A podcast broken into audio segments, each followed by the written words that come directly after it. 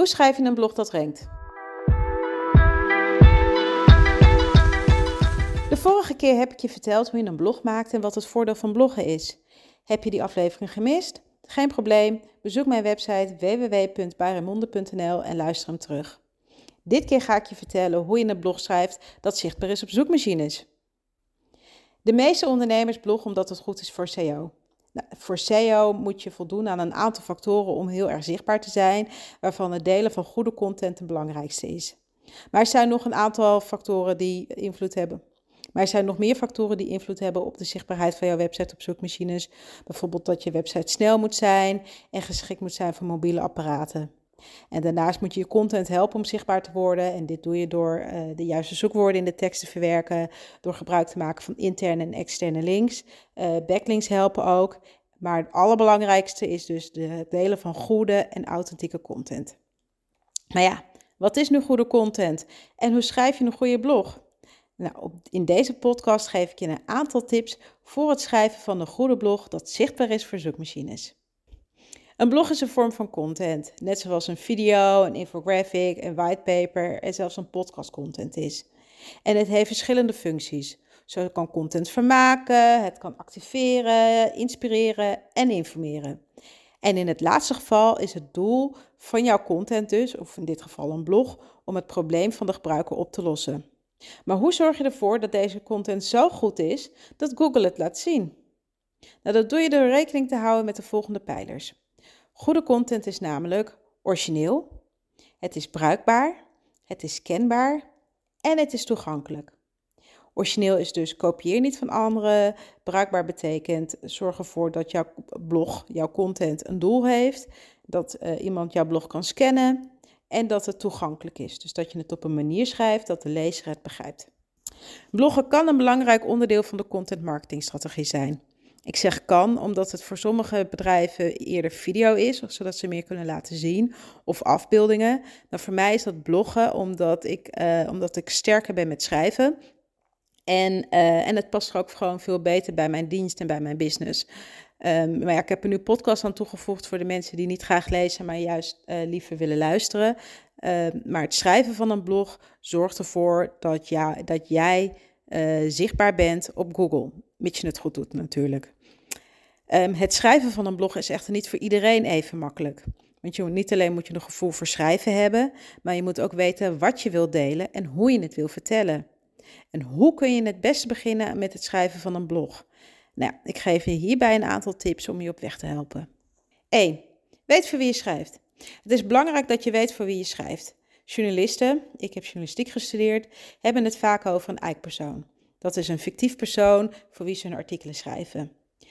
Dat moet jij ook hebben, zo'n eikpersoon. Je moet weten voor wie je schrijft, zodat je precies weet wie je klant is en wat zijn of haar uitdagingen en verlangens zijn. Want dan alleen kun je met jouw blog inspelen op de behoeften van de lezer en een connectie maken met je publiek. 2. Weet welke zoekwoorden je moet gebruiken. Het is belangrijk dat je voor het schrijven van een blog zoekwoordenonderzoek doet. Want dankzij zoekwoorden weten zoekmachines en zoekmachinegebruikers jouw content te vinden. Nou, ik zal de volgende keer, over twee weken, wat dieper ingaan op het onderwerp zoekwoorden.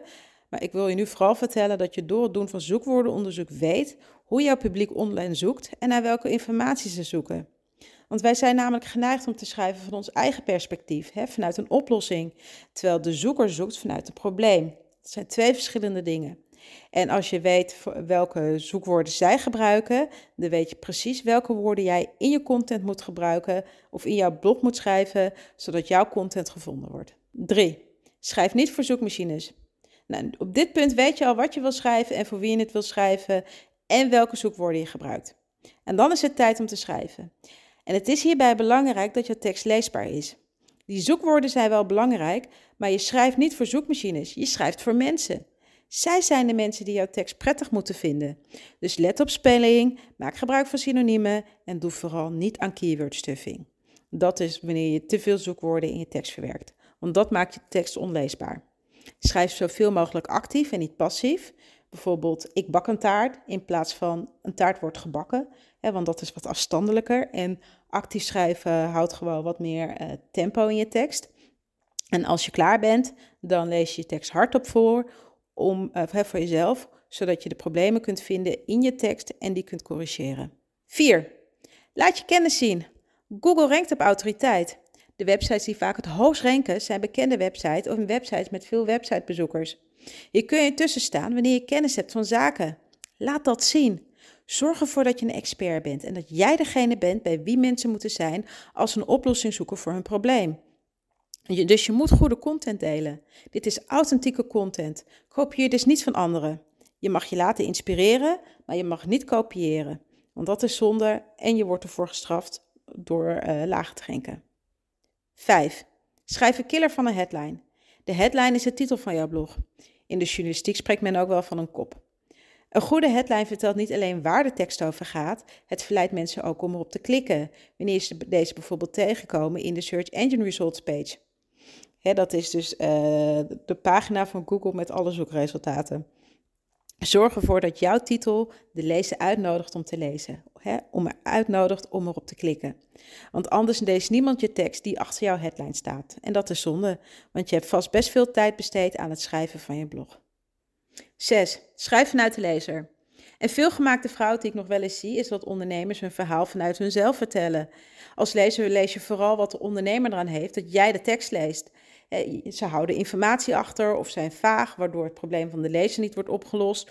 Of je leest, of je kunt lezen dat de schrijver iets wil verkopen. En uh, ja, dus je hebt er eigenlijk niet, je hebt er eigenlijk als lezer niks aan. dus je haakt af, want je vindt niet wat je zoekt. En je gaat verder zoeken op Google naar een webpagina die wel antwoord geeft op jouw vraag. Nou, en dan verlaten mensen je website. Zonde. Zorg ervoor dat jouw content interessant is voor jouw doelgroep.